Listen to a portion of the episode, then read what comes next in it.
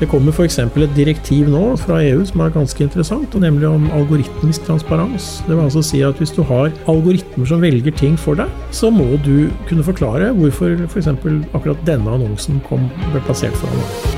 Velkommen til podkastserien 'Teknologi og mennesker', laget av Athea og Oslo Business Forum. Vi har samlet de beste eksemplene på teknologi og digitalisering. Hvordan fikk de det til, og hva kan vi lære av dem? Da er vi tilbake med en ny episode i podkasten Teknologi og mennesker. Mitt navn er Christian Brostad. Eh, aller først, tusen takk til alle dere som følger oss hver eneste uke. Det setter vi veldig stor pris på. Denne uken skal vi snakke om plattformøkonomi og forretningsmodeller. Og det høres kanskje litt kjedelig ut, eh, men nei da. Vi bruker disse selskapene hver dag i, i livene våre. Av verdens mest verdifulle selskaper så er faktisk fire av fem eh, det vi kaller plattformselskaper, og det blir stadig flere av dem. Og de beveger seg inn på nye markeder, så vi får en plattformifisering. Så hva er det som skjer egentlig, og blir disse plattformselskapene vinnerne? Forbrukerne liker jo tjenester som forenkler hverdagen, men det er helt klart noen utfordringer her også. Så vi har med oss to fantastiske gjester. En med sløyfe og en uten sløyfe. Og da vet dere sikkert at det er Espen Andersen som er forsker og foreleser på teknologi og strategi. Og så har vi Jens Hauglum, produktdirektør i finn.no. Velkommen til dere. Takk. Eh, nå fikk vi avdekket uh, før uh, sending her at du faktisk knyter uh, disse sløyfene selv. Det er imponerende. Ja, det er som jeg sier, det er en billig måte å skille seg ut på. Definitivt. og Jens og jeg da sitter uten sløyfe, så vi er delvis pynte her, da. Eh, jeg tenker vi skal starte litt sånn helt eh, basic, eh, Espen. Fordi når vi snakker om plattformøkonomi, så hører i hvert fall jeg mange ulike definisjoner av det. Hva er det egentlig? Så hvis du skal prøve å beskrive det. Jeg er ikke sikker på om jeg egentlig har noen presis definisjon selv heller, men vi snakker gjerne om ting som delingsøkonomi eller verdinettverk. Og For meg så er dette selskaper som lever av å knytte forbindelser mellom noen som ønsker å utveksle noen ting. F.eks. utveksle informasjon eller å utveksle penger og varer, eh, som eh, Finn eh, står for. Eller altså Kan på mange måter si litt overført betydning at en bank er en møtes, møteplass mellom folk som har penger og folk som vil, vil ha penger, vil låne penger. Det er ikke alltid at det er så synlig, men f.eks. finn.no er et veldig godt eksempel på plattformøkonomi, fordi Finn lever av at, at, at folk finner hverandre. Og så er det et par andre ting med, sånne, med dette med plattformifisering. og Det er at du havner veldig fort i en situasjon med uh, det vi kaller naturlige monopoler. Det vil altså si at det er en sånn vinneren tar alt. Uh, det er jo, som jeg ofte har sagt til folk som jobber i Finn, uh, det er at vi går jo ikke på Finn fordi de har så lekker webside, eller fordi det er så lett å laste opp fotografier der. Vi går på Finn fordi at skal du kjøpe noe, så er det der selgerne er, og skal du selge noe, så er det der kjøperne er. Og Dermed så er det sånn at jo større markedsandel Finn har, jo bedre er det for hver enkelt av oss. Og hvis vi virkelig skal ut og svinge oss med fine uttrykk, så kalles det der en nettverkseksternalitet. Det er et greit ord å bruke i selskapslivet. Ikke sant? um, og det er altså rett og slett det at jo større markedsandel, jo bedre Altså jo flere som er innenfor nettverket, um, det er delvis å gjøre med hvor mange som er der, men også hvem som er der. Et, et, nettverk trenger ikke å være stort hvis det inneholder de rette personene eller de rette produktene. eller hva det er for noe. Eh, så jo bedre blir verdien eh, for alle brukerne. Og Da blir det jo fort at det er ett selskap som vinner. Og i Norge så er det Finn. Mm. Jeg knytter meg i hvert fall veldig til definisjonen av det Espen innleda med. Jeg kan jo mm um, detaljere det ut litt. For når vi snakker om forretningsmodeller på en plattform, så har i hvert fall vi i Finn tre ulike versjoner av den. Og det er ofte de tre jeg hører eh, nevnes som tre ulike forretningsmodeller. Logikker, plattformlogikker man kan knytte en forretningsmodell til. Og Det første det er den som, som, handler om knytning. altså En ren forretningsmodell som handler om å knytte personer sammen. og som Espen sier, Det er jo mye det som er basisen av Finn. Det er jo denne knytte selger og kjøper sammen. Og hvor eh, forretningsmodellen handler om det. Inntektsmodellen er jo gjerne at man tar betalt av den som legger ut en annonse.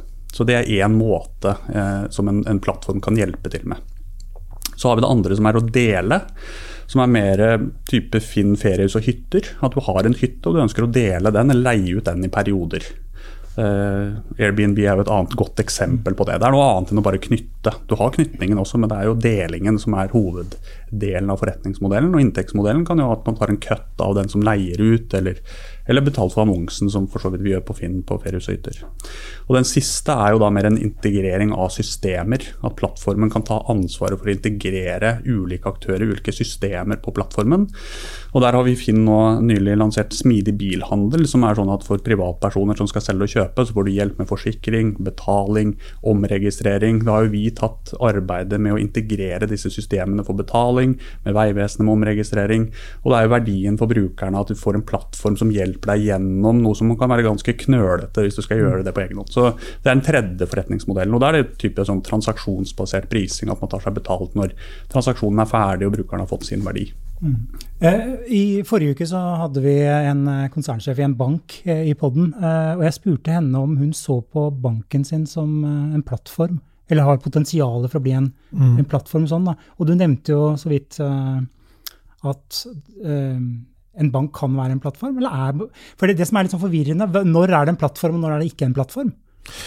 Ja, det er, det er, forvirrende, men du kan nesten gjøre det på sånn utelukkelses uh, uh, altså, I min verden så er det på en måte tre måter å tjene penger på. Da, ikke sant? Du kan selge et produkt, uh, og det, da tjener du penger ved å ta noen råvarer eller komponenter og sette sammen altså til et ferdig produkt, og så selger du det.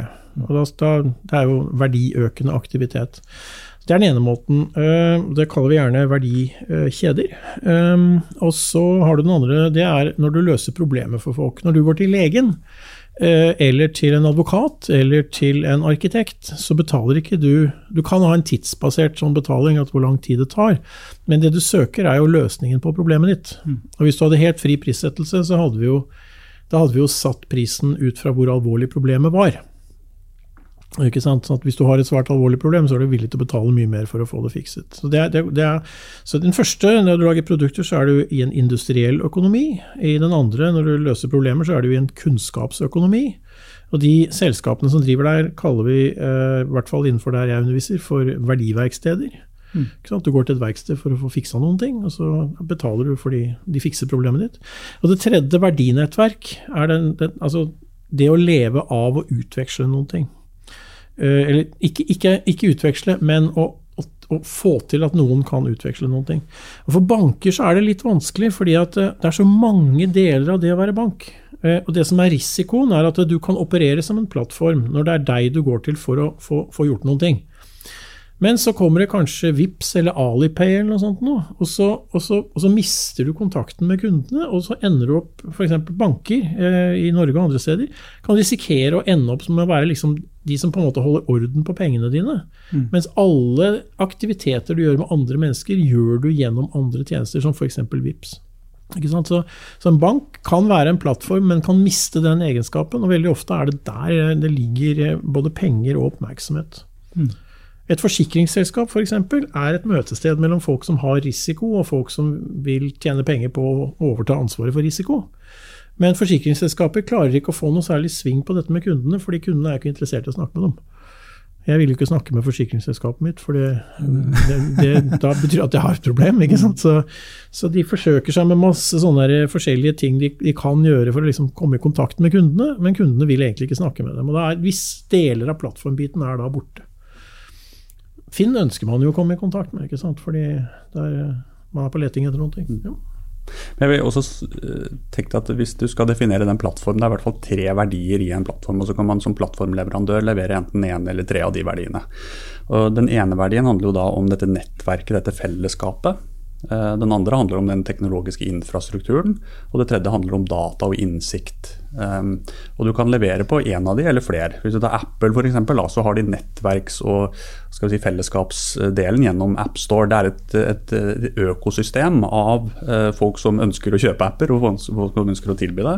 Og så har du en teknologisk infrastruktur, uh, IOS, som plattform som gjør at du kan utvikle disse appene, som igjen er tilgjengelig i dette, dette økosystemet. Og så har du til syvende og sist data og innsikt som Apple også bruker for eh, reklameøyemed da, for å gjøre det lettere for folk å promotere noe i AppStore basert på hva folk søker på. Så de kan du si at de leverer på alle tre. Eh, Google leverer på vil jeg si, også alle tre. Eh, noen kan være at de først og fremst er teknologisk infrastruktur, at det er det som er plattformens hovedverdi. Så, så det vil jeg si, er, Hvis du har, kan tikke av på én av de tre, så kan du i hvert fall kunne benevne deg som en plattform. da. Ja, også dette med data og innsikt. Der ser du faktisk det kommer opp eh, plattformer der også. Eh, jeg, tror, jeg, jeg, husker aldri om det er Kongsberg eller DNB som har Cognify, som er en sånn analyseplattform. hvor på en måte hvis du skal analysere data innenfor ditt selskap, så er det veldig mye mer verdifullt hvis du får med data fra andre selskaper også? Og, og har analyseverktøy og den type ting. Eh, men du ønsker jo Men de må på en måte være eh, anonyme, ikke sant. Så da kan du få en fordel at du får bedre innsikt ved å dele dataene. ikke sant? Og da må det være en slags nøytral aktør som tar dette her. Sånn. Du ser, Det kommer opp i stadig, stadig mer i, i industriell økonomi, så, så, begynner det å komme opp sånne plattformer som, som tilbyr altså innsikten. da, mm. ikke sant? Både infrastrukturen for å bygge innsikten, men også det at, at de deler data eh, uten at du nødvendigvis trenger å vite hvem, hvem de andre er. Mm. Det er forresten en egenskap til som du veldig ofte ser med plattformselskapene, og det er at bruk gjør dem bedre. Eh, Finn.no har det, Google har det. Eh, Facebook har det. Altså disse plattformene som er veldig intens informasjonsutveksling. Så er det sånn, Hver gang vi bruker Google, så gjør vi Google bedre. Fordi vi ved å velge et resultat fra Google forteller hva vi foretrekker. Mm. Og det sparer Google på. Finn.no gjør noe lignende. det kan jo kanskje du si noe om hva, i hvilken grad dere gjør det. Men det er klart at man trekker jo hva folk gjør på plattformen, og så blir den bedre og bedre og bedre. Og jo flere du har, jo bedre blir den. Skal du avsløre hva dere gjør? ja, nå skal du høre. Altså det, det, vi eh, Akkurat dette datapunktet og innsiktspunktet, det er ikke det Finn har vært best på. Men mm. det er én ting som vi nå har to konkrete eksempler på at vi gjør mot det vi definerer som våre profesjonelle kunder. Eiendomsmeglerne f.eks., som er, ser Finn som en viktig plattform for å kunne vise sine boliger på. Mm. Og det samme med bilbransjen. Og det vi gjør da, det er å tilgjengeliggjøre eh, for bilbransjen, eh, som et eksempel, hvordan brukeratferden er på Finn. Som kan si noen ting om merkemodeller. Hvordan er det egentlig dette utvikler seg? Fordi Finn er jo den største bilbutikken i Norge. Eh, og de får jo folk inn i sin fysiske butikk. Men så mange som er inne på butikken din på Finn, og klikker inn på annonsen og ser, det er ikke alle som kjøper, men det sier noen ting med disse store mengdene av, av data vi har, kan si no, gi noen pekepinner på hvordan markedet går og hvordan interessen for ulike bilmerker er. Så det å gi impuls på bruktbilmarkedet til bransjen, det tror jeg ikke er noen i Norge som kan gjøre på samme måte som Finn. Og Det har vært data vi har holdt uh, selv, uh, for oss selv, men nå har vi laget produkter, innsiktsprodukter som i større grad skal tilgjengeliggjøre de dataene ut for at de kan ta gode beslutninger, og at det er beslutningsstøtteverktøy for, for disse, disse, aktørene. Mm. Men Espen, eh, plattformen har, har blitt så, Jeg sa jo i innledningen liksom at uh, av de store selskapene i verden, det er jo plattformer. Hvorfor har dette blitt så stort? Er det bare fordi teknologien er der, eller hvorfor har dette blitt så stort?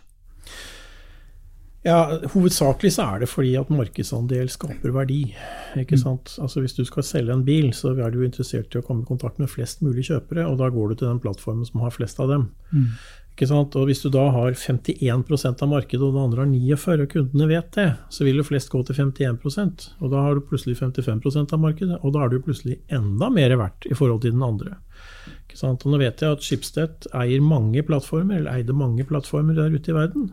En gang i tiden så sto det i en investorpresentasjon en graf som tegnet opp uh, hvor mye de tjente på plattformen, og hvor stor markedsandel de hadde. og Det var nesten et lineært forhold mellom dem. Det var bare ett år den sto der, og så tok de den ut av, av presentasjonen.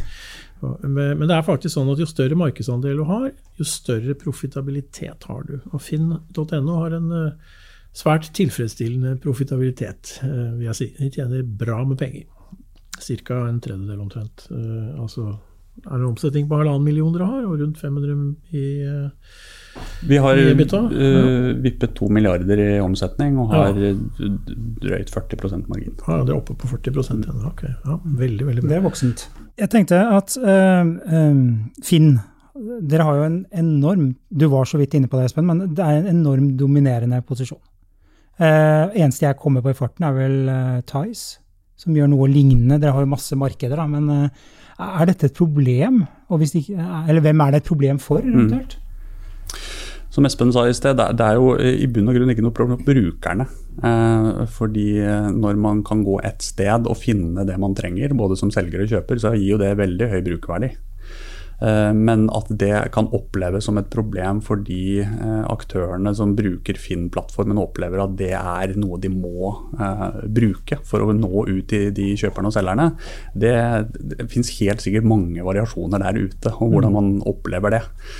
Det som kanskje er noe av forskjellen Vi snakker jo ofte om at noe av problemene handler om personvern, eller noe handler om at på disse store plattformene så er det vi som brukere som er produktet.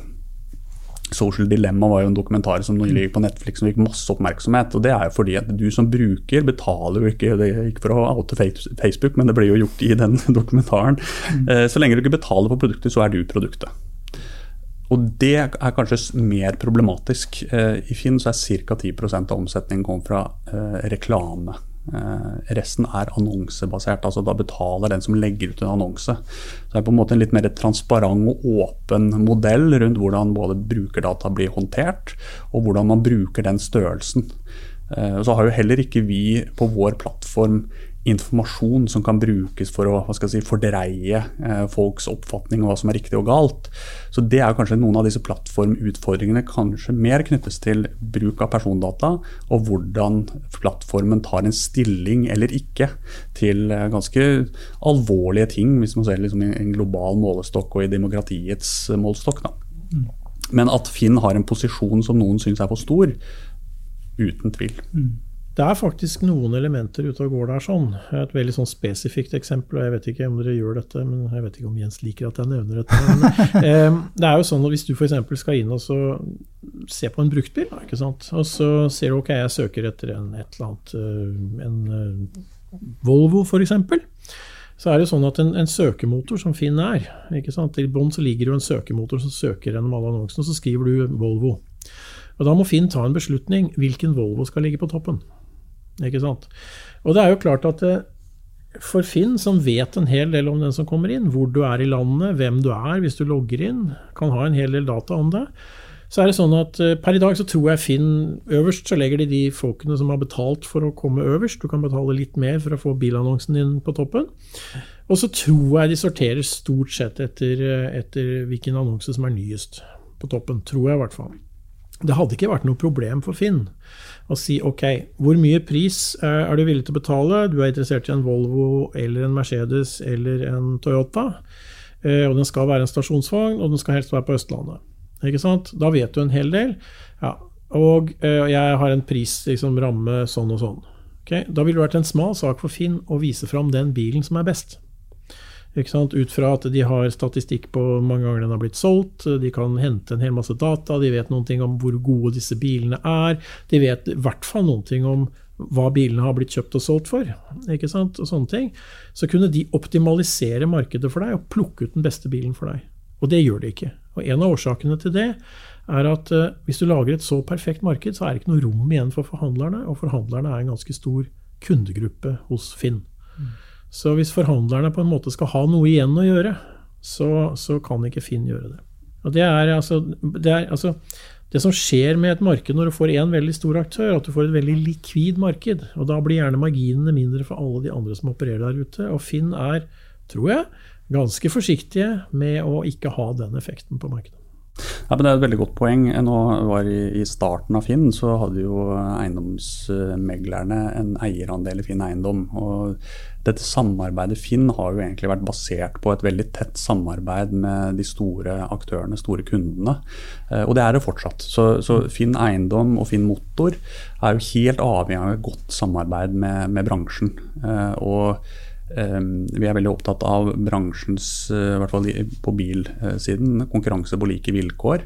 For der er det også en, en bransje som består av både merkeforhandlere, annet bilutsalg, og det er jo en bransjedynamikk der som vi prøver å legge til rette for på plattformen vår, så at det skal være konkurranse på like vilkår. Det er veldig viktig for den bransjen.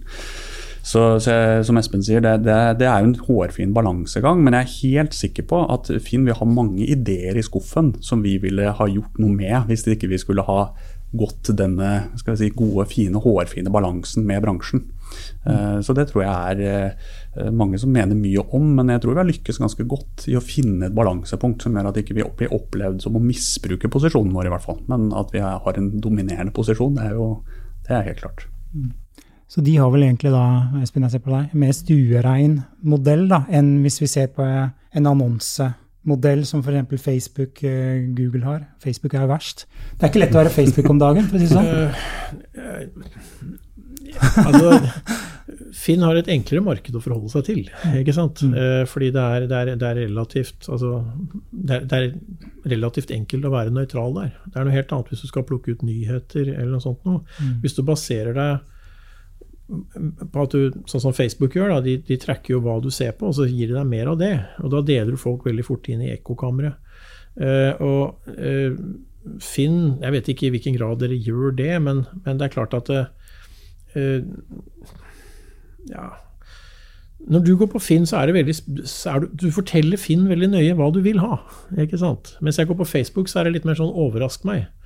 Og, og, da er det sånn at en dag så skal jeg ha en uh, brukt gressklipper, en dag så skal jeg se på en leilighet. Altså det er sånn uh, jeg, jeg, jeg, er forskjellige personer når jeg går inn der, sånn, og det er lett for Finn å forholde seg til en veldig magert bilde av personen. Da. Primært ut fra hva de ønsker å, å, se på. Akkurat sånn som Google er det lett å levere gode søkeresultater, for du forteller jo hva du vil ha. Ikke sant? Mens for eh, Netflix, f.eks., som skal servere deg en film, Overrask meg, gi meg en god film. De har en mye mye vanskeligere utfordring i å plukke ut hva de skal vise frem. Um, så, så, ja, jeg syns Finn gjør en god jobb med å være nøytrale, men, men de, har også en, kanskje, de, har helt sikkert en mye lettere oppgave enn Facebook har. Og så tenker jeg også, eh, når jeg gikk på BI, så lærte man jo at uh, konkurranse er bra. Ja. Gjelder ikke det lenger? Man kan jo få sant, svære plattformer. Facebook Det er ikke mulig å lansere et annet eh, sosialt medium. Eh, er, vi snakket om Clubhouse ah, før vi gikk på sending her. Ja. Det er vanskelig. Det er vanskelig, men det er, altså, det er to ting som kan true Finn. Sånn som jeg uh, pleier å si. Jens har hørt dette hundre ganger.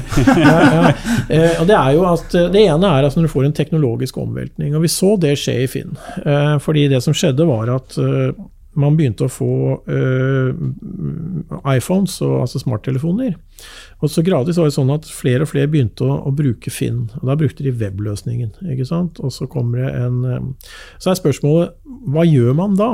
Og utviklerne i Finn uh, foretrekker jo å utvikle for store skjermer. Det er mye morsommere, for da kan du mye mer eh, spillerom ikke sant, på å gjøre noe ordentlig. Men hvis du skal liksom presse ting sammen på den lille iPhone, så, så, så det, krever det mer disiplin osv. Da gikk eh, daværende leder for, eh, for Finn inn og sa at vi skal ha en mobil først. Um, uh, mobil først-strategi, som sier at alt som er nytt, skal gjøres først for den mobile plattformen. Selv om mobil på den tid jeg tror den hadde rundt 20% av trafikken. Ikke sant? Og det meste var fortsatt på, på storskjerm, men da var liksom alt det nye skal skje der, for å tvinge utviklerne til først å tenke på mobil, for det var der veksten var. Hvis Finn hadde neglisjert det, så er det mulig at det kunne kommet opp en ny plattform som bare var på mobil, og tatt en markedsandel og blitt store nok til å true Finn, i hvert fall på enkelte områder. Så det er den ene biten. Altså, du kan få en teknologisk omveltning som gjør at du taper. Hvis du er, selv om du er veldig dominerende. Den andre er uh, på sånne enkelte spesialprodukter. Uh, altså F.eks. Jeg vet ikke, Det var i hvert fall sånn at det var noe som het foto.no. og Jeg er ikke innenfor det, men hvis du er liksom ute etter veldig avanserte fotoapparater, så kjøper du ikke den på Finn. Da går du på en spesialgreie som heter foto.no, hvor det bare sitter folk som er veldig flinke med foto. Mm. Jeg vet ikke om det er sånn fortsatt, men? Og da får du en liten gruppe med mennesker som er veldig interessert i noen ting. Og de trenger ikke Finn. Og det som da kan skje, er at deres interessefelt utvides etter hvert. Og så blir det flere produkter. Hvis du ser på komplett.no, som i dag er kjempesvære, så startet de med å selge uh, duppeditter til folk som bygde sine egne PC-er, altså nerdemarkedet.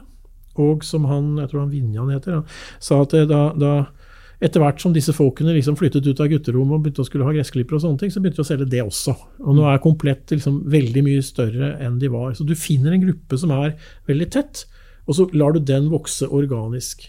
Og, og da er det I en sånn situasjon så ville det vært vanskelig for Finn på, for å komme inn på det markedet der sånn, hvis de har tett, andre har tette grupper som har veldig høy Dette markedet det preges jo uh, først og fremst av små vertikale aktører. Du nevnte Tice. Uh, de er jo superdyktige på å adressere en veldig spesifikk målgruppe. Det har jo startet med unge jenter, og så er det også mye unge gutter på den plattformen. Men det er jo, det er jo kleskategorien og veldig spissa og gir en litt sånn Instagram-følelse. Og, og er veldig flinke på å treffe den målgruppa på både funksjonalitet og hva de legger i en, en god eh, opplevelse av en markedsplass. Eh, og de foretrekker det mer enn Finn, selv om de ofte ender med å legge ut annonsen begge steder. Men, men, det, og, men, de er jo veldig, veldig supervertikale. Um, og vi har, vi har, flere av vertikale aktører som dukker opp. Uh, Finn har jo fra starten, og jeg tror noe av det som skaper lim hos oss, er også en viss grad den horisontale effekten. Vi ser jo det at hvis du går inn på torget, så ser du plutselig over på jobb, eller du går over på eiendom, eller motsatt. Så, så der er det en verdi i å være også over flere vertikaler. Og Det blir jo spennende å se om det er vertikalspesialistene som tar markedet, eller om det fortsatt er eh, mye fornuft i å ha en viss grad av sånne horisontale verdier også. Eh, vi sier jo i Finn at vi følger jo folk fra vugge til grav. ikke sant? Du bytter jobb flere ganger i et liv, du, du bytter eiendom flere ganger i et liv, bil flere ganger i et liv, og du kjøper ting og tang. Så, så vi dekker jo veldig stor grad av livsløpet folk har. Og Det tror vi ligger en verdi i, og den verdien har jo ikke vi tatt helt ut. Sånn, hvis du tenker på hva, hva, vi kunne ha servert og mm. anbefalt. Men vi tror jo fortsatt at det ligger en verdi i det, å være mer fulldekkende. Men du går glipp av noen sånne veldig vertikalspesifikke brukerbehov som du må være vertikal spesialist for å dekke. Så løsningen for selskapene, egentlig, som du sier, da, at uh, du er veldig god på et, et markedsområde, og så kan du utvide sakte, men sikkert, og du får fordi du har brukerne. Det er liksom approachen. Ja, det, det, som er liksom vanskelig å forstå, fordi at eh, hvis man kommer fra et, eh, et at man selger produkt altså Når, når um, Jens sier at han er produktdirektør, så ble jeg litt nervøs. Fordi, eh, fordi, det handler jo egentlig ikke om produktet. Det mm. handler jo om gruppen mennesker du knytter sammen. Ikke sant? Eh, og eh, det er jo sånn at når du skal se på For å ta et eksempel, da. ikke sant? hvis du er et telefonselskap ikke sant, så er det viktig for deg at du har telefon, telefonsamtalene inni ditt nettverk. For hver gang du går ut og sender en samtale over til en annen, så må du betale den, den, den, det firmaet noen ting. Mm. Ikke sant? Så hvis du klarer å holde det innenfor ditt nettverk, da kan det f.eks. være veldig viktig for deg å ha en gammel bestefar som kunde.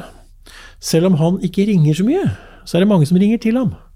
Og da har han verdi, fordi at uh, hvis alle de som ringer til ham, er innenfor ditt selskap, så hvis han har flyttet til et annet selskap, så må du plutselig begynne å betale til de andre. Um, ikke sant? Så, så, kunden har verdi, eh, ikke bare sånn eh, i forhold til eh, Altså, det, Finn kan ikke f.eks. gå etter pensjonistmarkedet eller tenåringsmarkedet eller eh, et eller annet sånt noe. ikke sant? Det de skal gå etter, er folk som har noe å utveksle. Og da må du se på for å si det litt fint, du må se på transaksjons, altså, transaksjonshistorikken. Hvem snakker med hvem, hvem utveksler noen ting med hvem, og så prøve å legge deg rundt hele den transaksjonen. Og ikke liksom tenke at vi skal ha kunder som er av den typen eller den typen eller den typen. Fordi eh, folk, eh, folk, handler med andre på tvers av typer. Og, ja, så det er lettere å, å, å finne Får du knyttet folk sammen, så kan du da spre dem ut, for da rekrutterer de sine venner igjen. ikke mm. sant? Og du vet ikke hvem som er venner med hvem, før du har fått lagt deg rundt et transaksjonssett. Mm. Er det sånn Jens, at dere mister søvnen, nattesøvnen av uh, Thais, f.eks.? Eller er det, tenker at dere er så dominerende at uh, de små vertikale aktørene, da, som du kaller det, at det ja, ja. Nei, altså jeg, Det er ikke bare floskel, altså, men konkurranse er bra. Eh, når Thais kom på banen, så blir jo vi litt mer skjerpa. Mm. Uh, og det gjør at vi må jo diskutere, ta på alvor hvordan er det den unge målgruppa. Vi har nylig hatt uh, en egen dedikert satsing på Genset, da, som, vi, som, som, nå erstattes av en, er vel generasjon alfa igjen. Nå begynner man på begynnelsen av alfabetet igjen. Og Det har jo vært nettopp fordi vi ser at her må vi opp, eh, opp i ringene og, og, forstå både hva denne behovet til målgruppa er, så ikke vi sovner hen. Og så må vi prøve å levere bedre tjenester. Så jeg tror jo sånn sett at det også gjør oss bedre. Eh, det er jeg helt sikker på. Mm. Det skumle kom jo hvis Finn hadde brukt sin markedsmakt og kjøpt Theise. ikke sant? Mm. Da, da, begynner å handle som monopolist. Konkurranse i seg selv er bra. Og Finn har et enormt konkurransefortrinn. For det, disse så fort du skal gjøre noe annet enn å kjøpe klær av en spesiell type, så, så, er, det, så er, det, jo Finn du må til. Og det gjelder jo også disse som er veldig inne på Tice. Og det er jo det de store gigantene, Facebook, tilbake til Facebook, da, kjøpte Instagram, WhatsApp ja. osv. Det er jo Er det noe vi bare må leve med? Det blir jo ikke noe konkurranse ut av dette? Ja, altså, det er alltid sånn at teknologien kommer først, og så kommer bruken, og så kommer reguleringene. Mm. Uh, og det er klart at Hvis noe blir så stort som Facebook, så det er et globalt selskap, og på et eller annet tidspunkt så får vi globale reguleringer. og Det er EU som har vært uh, pådrivende der, sånn, og, og det kommer. Det kommer f.eks. et direktiv nå som, uh, fra EU som er ganske interessant, og som kommer til å ha ha noe å si for Finn også, nemlig om algoritmisk transparens. Det vil mm. altså si at hvis du har algoritmer som velger ting for deg, de kaller det kunstig intelligens, men det er relativt enkle algoritmer det er snakk om, søketeknologi f.eks., så må du kunne forklare hvorfor. For akkurat denne annonsen kom, ble plassert foran meg. Uh, og det, det, er faktisk et problem med veldig avansert maskinlæring. Så går det ikke an å, å, å, spesifisere hva som har skjedd. Såkalt deep learning, så dukker ting opp. Og det er bare for at algoritmen gjør det. Og selv de som har skrevet den, klarer ikke å forklare hvorfor det ble akkurat sånn. Så det skal bli en, en, skikkelig hårball for en del større selskaper å, å, å forstå. Altså. Mm. En bank for eksempel, må jo forklare deg hvorfor altså En bank kan lage en maskinlæringsmodell som, som gir deg lån eller ikke gir deg lån. Uh, men hvis modellen er sofistikert nok, så er det ikke mulig å forklare hvorfor. Det er bare modellen sa nei. Basert på at den har sett på to millioner kunder ikke sant, og funnet ut at du er en type som den ikke bør gi lån til. Det holder jo ikke som forklaring, ikke sant? men det er kanskje ikke mulig å gi en heller. Så der skal, Hvis Finn blir veldig avansert, og det er sånn, så kommer de til å møte en ny utfordring der. Mm.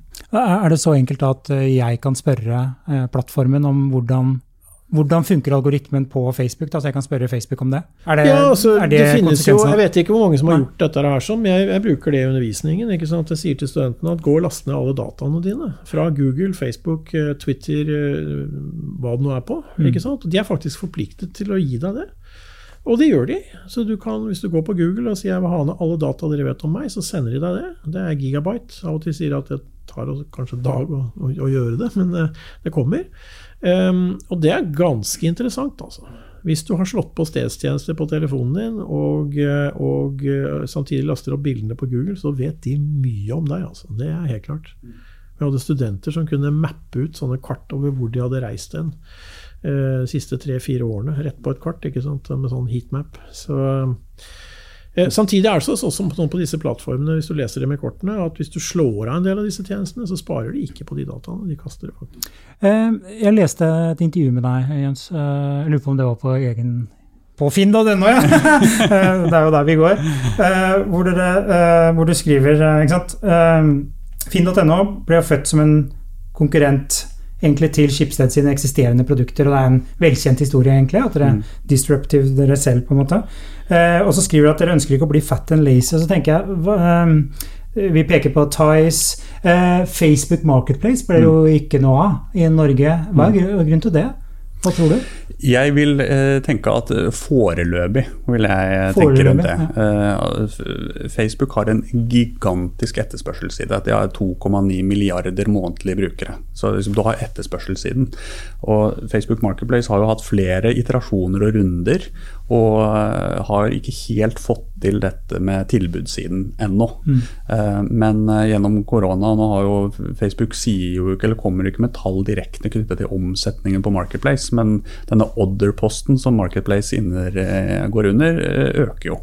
Mm. Uh, og de har jo men det, men det, jeg antar, da, uten å kunne vite, det er at de går mer i retning av å konkurrere med Amazon og andre som tilbyr en kobling mellom profesjonelle aktører og brukerne deres på Facebook, og ikke nødvendigvis en sånn privat-til-privat-handel, mm. som var kanskje det som vi så først som en konkurrent for Finn og Finn-torget. Du har jo fortsatt den muligheten på Facebook, men, men der, eh, det, der, har de ikke helt klart å, å, få det til. Og så tror jeg de itererer som alle gode teknologiselskap.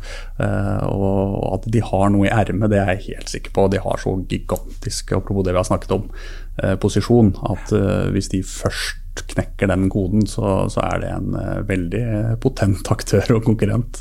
Mm. Så jeg vil ikke, si, jeg vil ikke, vil ikke gravelegge den hel ennå, så ja. vi følger med. Men tilbake til Fat and Lazy. Da, altså, ja. Hvordan er det dere sørger for at dere alltid er et steg foran? da, Og ikke risikerer liksom, ja, vi, er, vi er markedsledere, så vi trenger ikke å gjøre så mye. Ja.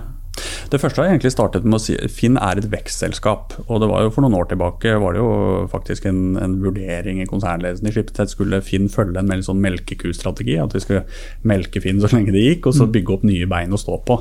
Heldigvis så ble ikke det uttalt eller valgt, så, så Finn er et vekstselskap. Så, så det er jo en god godt fundament for å eh, drive innovasjon. Det er at er, det er uttalt fra toppen at vi skal vokse. Og skal man vokse, så må man finne nye brukerbehov å løse eh, for å kunne ta seg betalt for det. Mm. Så det starter med det. Eh, og så har vi akkurat nå gjennom de to siste årene eh, jobbet med å etablere en egen vekstportefølje som jeg ledet eh, siden 2019. Som handlet om å knoppskyte nye initiativer eh, og bygge videre på de eksisterende markedsplassene vi har. Og så har vi kommet til den erkjennelsen i år faktisk, at den største utfordringen for oss innovasjonsmessig, det er å vokse kjernen og gjøre om kjernen av Finn. Så vi har lagt ned den vekstporteføljen. Og så har vi nå heller sagt at den største utfordringen vi har, det er å omdanne kjernen av Finn fra å være den lyktestolpen med annonser, mm. til å være noen som hjelper deg eh, fra A til Å. Så denne smidig bilhandel jeg snakket om i sted, det er det eh, vi jobber med nå. Og der er det masse innovasjonsrom. Det å hjelpe deg mer friksjonsfritt når du skal selge bilen din. Hjelpe deg mer friksjonsfritt på torget. altså Vi sørger for frakt, vi sørger for betaling, vi sørger for forsikring. Vi sørger for at du kan føle deg sikker på at også når du kjøper brukt, at du kan være like trygg som på en e-handelsaktør. Og det er der måte, vårt innovasjons, eh, vår innovasjonskraft settes inn nå. Så fra å tenke at vi skal knoppskyte nye ting, til at nå må vi transformere kjernen. Og Det er også en gigantisk innovasjonsutfordring. Mm. Um, og Innovasjonsarbeidet i Finn har fulgt ulike sykler gjennom de siden vi starta i 2000. Og akkurat nå er vi der. At det er transformasjon av kjernen som er vårt viktigste nyskapingspotensialet ligger. da. Og så eh, er det jo del av Skipsted. Og jeg tenker også eh, hva, hva, gjøres på, på hele rigget, liksom? Eh, felles betaling, eh, data på tvers av plattformer osv. Er det også ting som blir viktige drivere for det? da? Ja, helt klart. Ja. Og Schibsted eh, er jo et økosystem. Og der ligger det veldig mye som kan komme brukerne våre til nytte, så lenge vi er transparente og tar vare på bruker... Eh, eller måtte ikke misbruke brukerdataene, mm. til å skape enda mer brukeropplevelser. Og nå har jo også som er en annen innovasjonshistorie i Schibsted, det er jo at eh, det nettverket man hadde for å levere papiraviser Når folk har mindre papiraviser, så har vi fortsatt det distribusjonsnettverket, og det er nå blitt Hel Hjem, eller Schibsted Distribusjon, som egentlig er en konkurrent i Posten. Så nå kan du ha dør-til-dør-pakker, riktignok nå av en viss størrelse, for det er avisbudene som tar de med sammen med avisene, eh, men det er jo en sånn dør-til-dør-levering. De er nå en del av Nordic Marketplace-organisasjonen, som er da markedsplassene til Skipsted i Norden.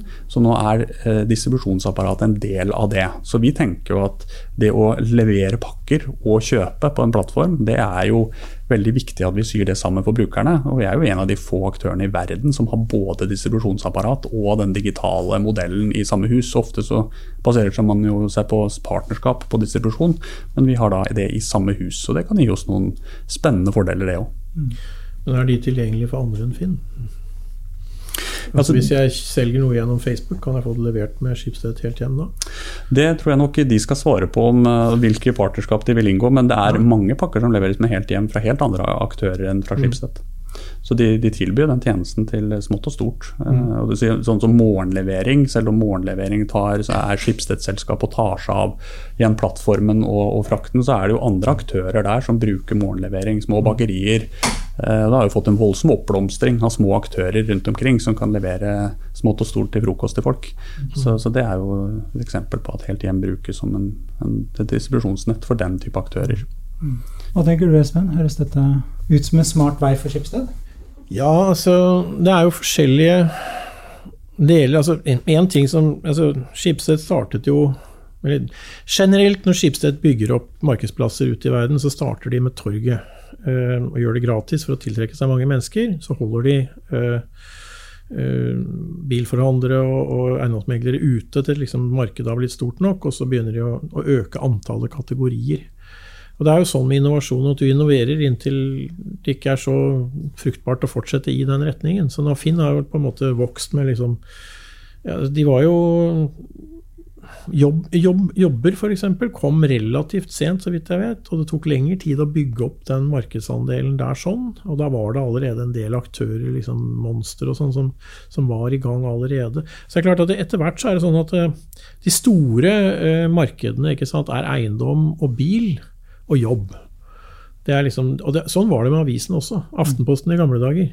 Ikke sant? Du hadde jo tonnevis av sånne annonser, og det var til og med et uttrykk. Jeg spurte studentene mine i dag om de skjønte dette uttrykket. Han har begynt å lese Aftenposten bakfra. Mm. Som vi sa på 80-tallet. Det var et sånn kode for at en eh, var misfornøyd med jobben sin og hadde begynt å se på jobbannonsene, som var bakerst i Aftenposten. ikke sant? Mm. Um, og uh, det mine studenter er 25 år gamle og ser på meg som liksom Hæ? ikke sant? Så, så altså, Finn har innovert i antall kategorier. Og så begynner du å se på det, og så begynner du å se på okay, hvilken tjeneste kan vi tilby, hvordan kan vi øke dybden i det vi tilbyr. Og Det er også typisk for sånne nettverk at man snakker om reach and range. Reach altså er hvor mange du kan nå, og range er liksom tjenestespekteret du kan tilby. Uh, uh, nå har dere betalingsløsninger selv, uh, men det er klart at når VIPS kommer opp, så er jo Hvis det er enkelt å betale med VIPS, og det er en veldig populær plattform, så øker jo det verdien av Finn. For da hvis, platt, hvis, betalingen blir lett. Og hvis eh, man får opp enten med selv å tilby transport, eller at annen transporttjeneste blir bedre, så blir verdien av Finn enda større. Fordi da er det lett å få betalt og lett å sende produkter. Så ja. Eh, jeg tror Finn kanskje slapp opp for store kategorier. Det var ingen igjen. Og så må man begynne å si ok, hva kan man få mer ut av hver enkelt kategori. Men jeg tror det er jo mange I innovasjonsteori kan man jo innovere på mange områder. Man kan ha produktinnovasjon og man kan innovere i andre målgrupper med det samme produktet. og sånn. Jeg tror nok merkevaren Finn er nok en viktig del av innovasjonshistorien til Finn. Det at man har klart å skape en merkevare som rommer alle disse markedsplassene og kan egentlig romme veldig mange andre nye markedsplasser, og som står seg veldig sterkt. Vi har veldig høy kjennskap og kunnskap og veldig høy liking blant norske norske forbrukere og, og, Norges folk. Så jeg tror nok også det er en barriere i seg selv. Det er en veldig tungt innarbeidet merkevare. Og så finnes det andre merkevarer i historien som har falt, som, som var større enn Finn. Så det er ikke noe hvilepute der, men jeg tror nok det også bidrar sterkt i, i det vi har. Det er en folkelig tone. det er oppleves trygt, norskt. En del sånne eh, verdier som, som, også spiller inn i denne kampen hvor det er masse aktører som kommer fra det store utland som man ikke helt vet alltid hva er eller hvem er. Mens eh, Finn har nok klart i den konkurransen også mye av dette pga. en sterk og, solid merkevare. Eh, Espen, hvis du liksom skulle velge en eller to ting som eh, du mener bør på plass for å for åpenbart, jeg vet ikke om du trenger å regulere Finn, men du trenger i hvert fall å regulere de store tech-selskapene, kanskje. I hvert fall det er flere som snakker om det nå. da. Ja. Hva tenker du er liksom de største problemene med den plattformøkonomien? Ja, det er mange problemer. altså Vi har vært inne på det. Mangel på konkurranse, mulighet for misbruk, særlig hvis det blir overnasjonalt. Mm. Uh, hvis Finn begynte å rote til markedsplassene og vise preferanser, og sånn, så hadde jo helt sikkert eh, Næringsdepartementet kommet løpende med en gang. ikke sant? Så, så, uh, men det er jo fordi Finn er nasjonalt. ikke sant? Hvis det ikke fins noe regulerende, så, så, er det et problem. Det andre er jo personvern. Jeg tror Dit vi helt sikkert må komme. ikke sant? Det er jo sånn at, eh, som, som Jens sa, hvis ikke du betaler, så er du produktet. ikke sant? Og vi er nå i en situasjon hvor liksom jeg vil ha noen ting, derfor må jeg gi opp alle mine personlige data til noen. Eh, og vi må komme til en situasjon hvor du kontrollerer dine personlige data, og det finnes lette måter å, å si at jeg, jeg, vil bare gi fra meg akkurat det som er nødvendig, og at jeg hele tiden har kontroll på hvordan det blir brukt i sann tid. Altså med en gang. Ikke at jeg kan gå inn og se på det etterpå. Og sånt Og Det kommer lovgivning om det. Det er langsomt i feil. GDPR er én ting, og det har hatt stor eh, innvirkning på, på disse plattformselskapene. Det kommer, som jeg sa, et algoritmisk eh, direktiv som sier at du er nødt til å forklare hvordan du kom frem til en beslutning.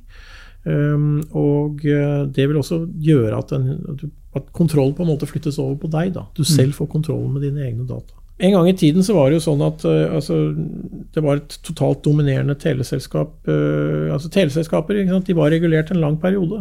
Uh, og Årsaken til det var at de ble så dominerende at, de, at, de da, at, det var lettere å gjøre dem til monopoler. Jeg tror ikke det vil skje på finn.no, men jeg tror det vil få veldig sterk etter hvert regulering av ja, Facebook, Google og sånne ting. Mm. Og som sagt, EU har gått foran fordi de er store nok og uavhengige nok. Mye av det er jo amerikanske selskaper. Hadde de vært mm. franske, f.eks., så hadde det vært litt vanskelig. Vi nærmer oss slutten. Jeg tenkte, eh, For de lytterne våre som er interessert i Finn, og det er jo, det er jo en sterk merkevare, så vi alle har et forhold til Finn. Da. Mm. Hvor tror du Finn er om et par-tre år?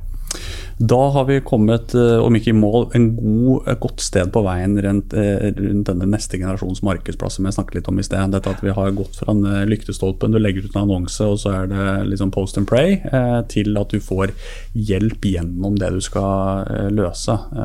Jeg syns jo Amazon er veldig gode på å eh, si at det det handler om, eller som de forstår, det er at tidspunktet, eller det de skal si estimert tid før du får pakken, det er når du har den eh, ved døra. Det er ikke sånn det tar to dager før vi har sendt den til en eller annen leverandør som skal shippe den til deg, og så vet du ikke hvor lang tid det tar. Så du må forstå at det behovet brukerne har, det er å selge og kjøpe og få det hjem til seg. Det er jo da de opplever at de er ferdig med handelen.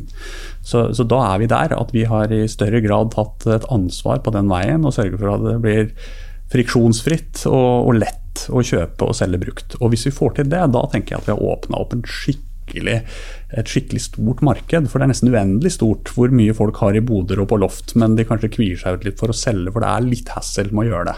Det er litt hassle å få betalt, du er litt redd for å bli svindla, du mm. vet ikke helt om du skal få sendt det og hvordan dette her egentlig er. Så vi tror akkurat i det så er, er, det en enorm miljøgevinst. Så Vår misjon er jo å, å, sørge for at det er smarte valg for seg selv og samfunnet. Og da tror jeg vi har en skikkelig bra rolle å spille i å, å få dette til å bli et positivt regnskap også for eh, kloden. Nei, altså bare for eksempel, Jeg har en, flere tusen bøker hjemme, ikke sant? og de er vanskelig å selge. Det jeg kunne tenke meg, ikke sant, var at hvis jeg kunne få en katalog, så jeg kunne gå inn og så bare krysse av den boken, den boken, den boken, den boken. Så hvis finn.no gjorde det tilgjengelig, så jeg fikk oversikt over alle mine bøker, så er det jo en smal sak å merge alle disse kundene her sånn. ikke sant? Og så si ok, ja, du har den boken, Jens. Ok, jeg har den ikke. Eh, så kan du bare legge inn Jeg kan ta alle bøkene mine, så kan jeg sette en pris på dem. Så kan jeg si hvis noen vil betale det, så, så, så, så selger jeg den. Og så lage en, en, effektiv måte å bytte det på. Så Det er ikke så mye penger å tjene på det for Finn, men hva er det du gjør? Jo, plutselig har du knyttet opp hele det lesende publikum i Norge. Og Per i dag så er det en hel del trauste forlag der ute som fortsatt henger igjen i en sånn tømmerbasert uh, verden. Da kan du ta ut dem, ikke sant? og så kan du lage et digitalt bokmarked. Eller andre ting. altså alle steder hvor det er problemer i verifisering, eh, f.eks. i jobbmarkedet et, og søking, søking, på studier, så er det et stort problem med forfalskede vitnemål og sånne ting. Det er klart at eh, Med hjelp av blokkjein-teknologi så kan man uh, få verifisering av, av, den type ting. Og Da gjør du ansettelsesprosessen veldig mye bedre, og det tror jeg folk vil være villige til å betale ganske mye for. Få den biten automatisert. Og da må man være stor ikke sant? for å ha makt nok til å tvinge folk til å, til å bruke det. Det, det finnes masse rundt uh, skal vi si, det å altså, tenke at man binder sammen transaksjoner, og så tilbyr man noe til dem som har den samme interessen. Der, der tror jeg det finnes veldig mye som Finn kan gjøre fortsatt. Mm. Det var to gratis ideer, det. Jens. Så bra! Det er, den, ene, den ene har han fått mange. Ja. Han gidder ikke å gjøre noe. ikke levert den. det er veldig bra. Da skal vi gå over til vår faste spalte. Digitale vaner. Bli kjent med gjestene ved å snoke deres digitale liv. Hva gjør de egentlig på nettet? Hvilke favorittapper har de? Er det streaming eller linær-TV som gjelder? TikTok eller Snapchat? Vi spør i Teknologi og mennesker. Da skal vi eh, snoke litt i eh, det digitale livet til gjestene våre. Eh, og greia er da at dere får to alternativer, og så skal dere velge ett av de. Og det er ikke lov å finne på et tredje alternativ. Det er strengt forbudt. Det er ikke noen forskrift eller lov på det, men vi har det der, altså. Mm. Skal vi starte med deg, Espen? Ja, ok. Nettbutikk eller fysisk butikk? Mm. vet du hva? Jeg har hatt så mye dårlige opplevelser i fysisk butikk at jeg foretrekker nettbutikk. Altså. Det er, uh, ja, Med mindre det er noe som jeg absolutt må ta i. Men nå har det blitt så lett å bytte, så nei, jeg foretrekker nettbutikk. Jeg er asosial. Hva med deg, Jens? Det var lett nettbutikk. Nettbutikk, ja. Uh, neste, Espen. Uh, seriefråtsing eller én episode i uka? Uh, Ja, jeg fråtser omtrent halvveis inn i første sesong, og så gidder jeg ikke mer. Det er mitt uh, seermønster, så jeg vet ikke hvordan du skal klassifisere det. Ja. fråtsing, Kortvarig fråtsing. Kortvarig fråtsing, ja. Jeg vil også si kortvarig fråtsing og én serie av gangen. Uh, så ja. når jeg fråtser serier, så er det ikke at jeg ser fire i parallell, men da bestemmer jeg meg for én, og så ser jeg den ferdig, og så plukker jeg neste. Men det er ingenting som er så irriterende at du skal se en serie hvor det er én episode i uka? Ikke det? Nei, det, det irriterer meg i hvert fall. Ja, jeg er helt enig. Ja, Hvis det var et, et, krav at du bare fikk se én, da, da, da er det noe annet. Eh, Espen, eh, emoji eller tekst? Tekst. Jeg er kjedelig sånn. Jeg har noen emojier, men eh, jeg blir mest tekst. Mest tekst. Tekst. tekst. Det siste, Instagram eller TikTok? Ja, nå er jeg ingen av stedene. Jeg tror jeg har en Instagram-konto. Nei, jeg vet ikke. TikTok er jo Ah, det er en morsom greie. ikke sant? Hvorfor ser VG ut som VG ser ut? Ikke sant? Det er fordi at eh, det vi hadde, snakker om, det er et brev som heter 'Job to be done'. Altså, ikke sant? Hva, hva er det du etterspør? sier at Når du skal lese New York Times, så skal du sette deg ned og lese nyhetene. og Da skal du se som aviser og lange artikler og sånne ting. VG, deres, det de gjør, er jeg har 30 sekunder til T-banen kommer. La meg gå inn på VG. Ikke sant? Og det er det markedet som TikTok har også. Så jeg må jo tilstå at det hender jeg ser på TikTok jeg liksom har, mens jeg venter på heisen. Også. Ja. Jeg deler ikke noe selv på TikTok, og uh, jeg har en datter som er veldig mye på Instagram, men uh, ikke noe selv. Ja. Ja, Skulle sikkert eh, skåra noen alderspoeng med å si TikTok, men jeg må si Instagram, for å være ærlig. Det, er, det bruker jeg. Ja. Siste, uh, Espen. Smarthjem eller bare hjem? Uh. Jeg aspirerer til et smarthjem, men jeg har ikke hatt tålmodigheten til å sette det opp ennå. Så foreløpig er det bare hjem. Ja. Mm. Jeg har også hjem med noen smarte. altså Tibber er jo en kjempebra aktør, og noe av de, de tjenestene de tilbyr, har jeg benytta meg av. Men jeg er ikke der at jeg tror jeg kommer til å gå for et fullt smarthjem. Jeg kjenner litt på personvernet i det. altså Å bli veldig avhengig av teknologi. At du står der, og den Rema-reklamen syns jeg har vært god. Du kommer hjem fra tannlegen, og den kjenner ikke igjen ansiktet ditt eller stemmestyringen. Så det er et snev av det ja. som gjør at jeg nok ikke kommer til å ta skrittet fullt ut i smarthjem. Nydelig. Espen, Jens, tusen takk for at dere kunne være med, og tusen takk til deg som har lyttet på. Du har nå lyttet til Teknologi og mennesker, laget av Athea og Oslo Business Forum. Liker du podkasten, setter vi stor pris på om du gir oss noen stjerner. Og tips gjerne en venn om podkasten.